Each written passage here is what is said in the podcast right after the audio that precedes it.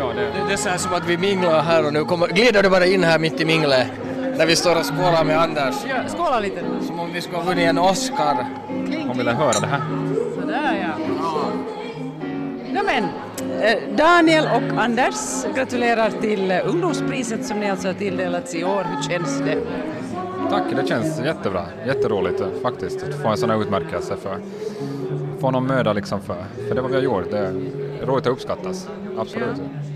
Ja, nej, absolut alltså. Det här var ju en sån här grej som vi, som vi bara gjorde för att hitta på någonting kul. Så att, att, att nu, det fanns ett behov så att nu vill vi göra något kul för kidsen. Och så bara gjorde vi det. Och det är liksom, det, den uppskattning som vi har fått idag i och med det här priset är ju jätte, jättebra och det, det är som lite bensin på elden. För vi tänker nog att vi ska förhoppningsvis göra det. Det kanske händer igen. Det kan... I år igen alltså. Vi ska inte avslöja för mycket nu, men, äh, men, men vi vill ju jättegärna och att få äh, ett sånt här tack från stadens sida äh, känns bra. Och, och det där, och det, det, det är som att nu orkar man jobba med en högre växel i, i, i de kommande månaderna. För den som inte har deltagit i en augustinatt, berätta vad det handlar om. Det är en eh, ungdomsfestival med, med artister som, eh, som liksom tilltalar och hämtar ungdomar till, till festivalen. Och, och vi hade ett, ett, väldigt lyckat, det var ju första året, förra året, vi, vi, vi lyckades samla 1500 ungdomar runt om i Västnyland och Svenskfinland och, och jätteroligt och, och, och det är väl lite samma som vi siktar på i år igen. Hur ser ni på det här med att vara raseborgare eller vad, vad, är det här med, vad betyder den här staden för er? No, alltså, egentligen så, jag bor ju inte egentligen här. Uh, det här kanske jag inte borde säga, men uh, jag har ju bott här hela mitt liv sen flyttade till Åbo. Men någonstans har det alltid varit så att man har haft Ekenäs eh, och Raseborg då lite i ögonvrån hela tiden. Så att vad händer där? Jag har ju jättemycket kompisar som bor här och så vidare. Så jag, har ju, jag kommer ju alltid att ha en relation till Raseborg. Det är inte som att jag liksom, hej då, så att det där, eh, och, och, och, och, så tänkte jag bara då i förra året att, att nu, nu, nu måste vi nog göra någonting, någonting kul för att det, det är så mycket evenemang som, som man har lagt ner och det känns som att ungdomen går bara här och spottar och sparkar och inte har någonting att göra.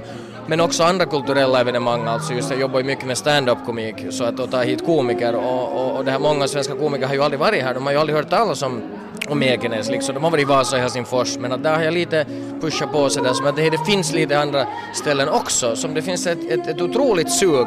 Det är som att, att jag tror att Ekenäs är väldigt undernärt vad gäller underhållning. Speciellt av så lite högre klass. Man måste åka till Åbo, man måste åka till Helsingfors för att se bättre produktioner.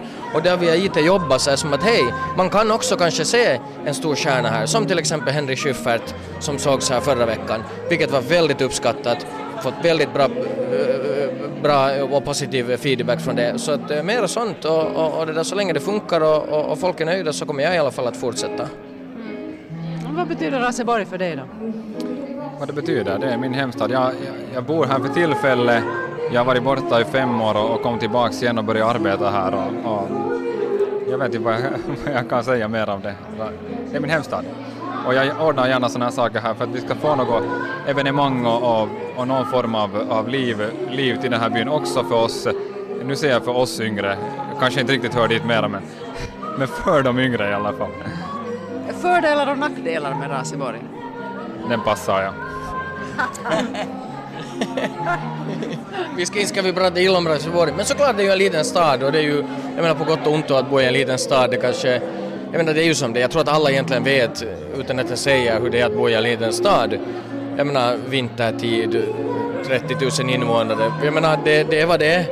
Men, eh, men, men positivt så finns det ju jättemycket, jättemycket också och jag tror att där tror jag att, att raseborgarna inte de dåliga på det, men jag tror att de skulle kunna vara bättre på att också se möjligheter kanske i sin egen stad. Jag ser ju Raseborg och Ekenäs från ändå ett mer externt perspektiv när jag kommer hit ändå. Och staden har ju mycket att bjuda på och det där, det gäller nu bara att, att fundera ut vad man själv vill göra.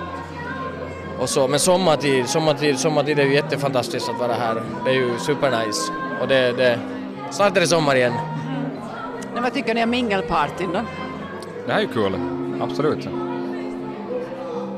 lite glest mellan borden men det är ändå sådär. Jag menar... Ja men det här, det här kommer tillbaka större än någonsin säkert också. Det, ju, det måste ju börja någonstans. Så.